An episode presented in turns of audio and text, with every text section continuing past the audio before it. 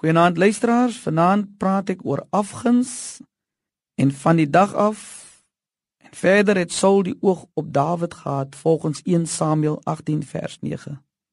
'n Mens hoor selde dat daar oor afguns gepreek word. Die verwoesting wat dit kan veroorsaak. En en, en tog is dit een van die sondes wat die Here Jesus aan die kruis laat spyker het. Pilatus het geweet dat hulle hom uit die neydigheid oorgelewer het volgens Markus 15 vers 10. Soos 'n kanker in die liggaam vreet afguns in die wesels van die siel totdat die dood sy verskeiding maak. Neem koning Saul tot voorbeeld. Gaan onder die onderdane en hoor hulle memoreer. Wat het oor die lewe van die koning gekom?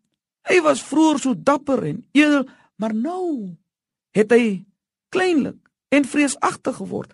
Hulle het bemerk dat sy jaloesie en obsessie het voor hom uitgeloop.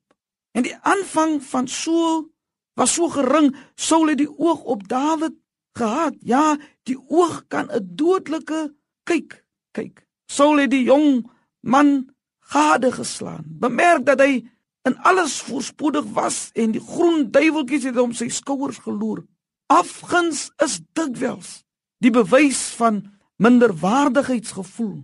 Saul het besef dat die jong herderseun hom na die kroon steek. Wie het al ooit iemand jal wie het al ooit op iemand jaloers geword omdat hy swak is? Ons vrees nie swakkelinge nie. Is daar iemand wat in hierdie aanduur weet dat jou afguns vir jou weghou om met iemand liefde te bewys? Is daar 'n middel teen dodelike sonde van afguns. Kyk na Jonathan. Van hom leer ons hoe om verneig aanvalle van die duiwel af te weer.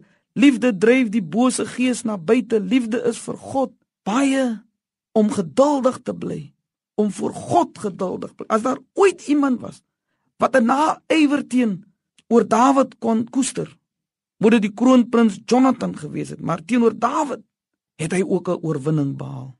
Laat ons mekaar met hierdie gesindheid beeen. Die liefde is nie jaloers nie.